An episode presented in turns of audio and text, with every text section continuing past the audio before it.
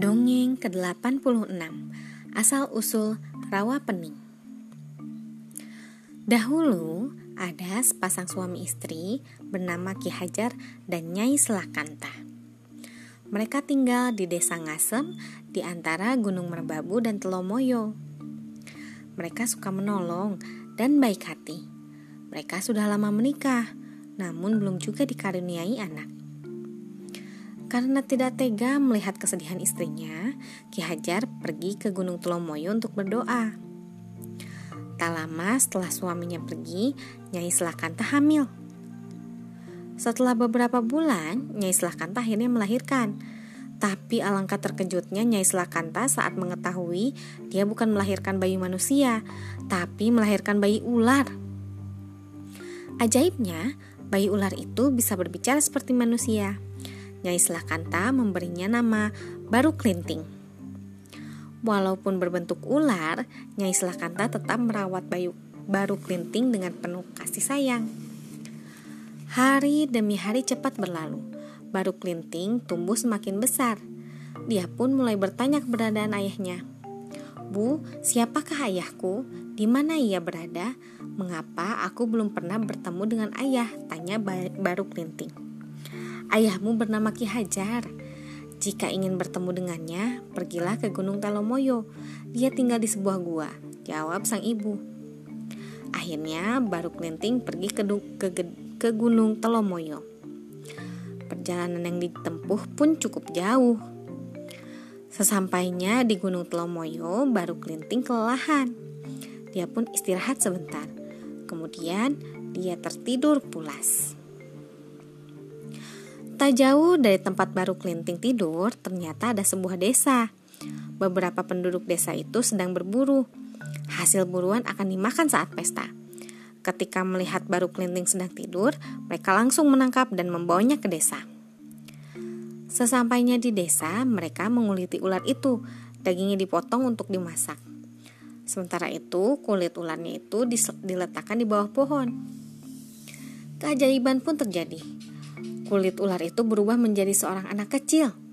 Tubuh anak kecil itu dipenuhi kudis dan baunya tidak sedap. Anak kecil itu melihat pesta yang sedang berlangsung. Dia pun mendekati seorang penduduk dan meminta makan. Tapi orang itu justru mengusirnya dengan kasar. Siapa kau? Enak saja minta makan. Pergi sana. Tubuhmu bau dan menjijikan. Usir orang itu. Anak kecil itu lalu mendekati penduduk yang lain tapi mereka semua juga mengusirnya. Ketika akan pergi meninggalkan pesta, ada seorang nenek tua yang memanggilnya. Ternyata nenek itu melihat kejadian yang dialami si anak. Nak, jika kau ingin makan, ikutlah denganku. Aku punya makanan untukmu, kata sang nenek. Anak kecil itu kemudian mengikuti sang nenek ke rumahnya.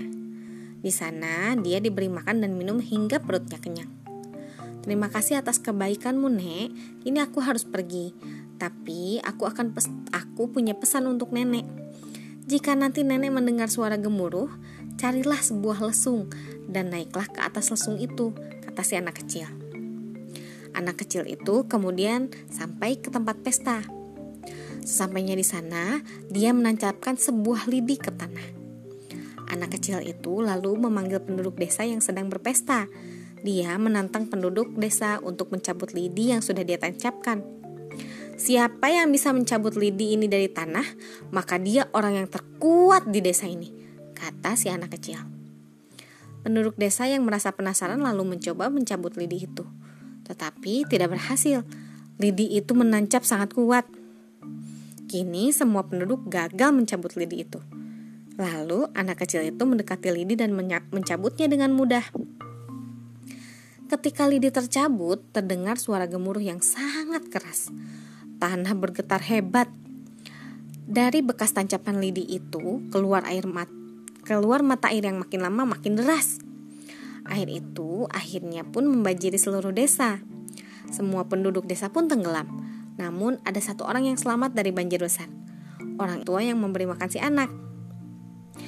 Ketika terdengar suara gemuruh, sang nenek segera naik ke atas lesung. Ketika banjir terjadi, nenek itu terapung di atas lesung. Desa yang kebanjiran itu pun berubah menjadi danau. Danau itu dinamakan Rawa Pening. Kini, Rawa Pening dijadikan objek wisata karena keindahan alamnya. Sekian, terima kasih telah mendengarkan. Selamat malam.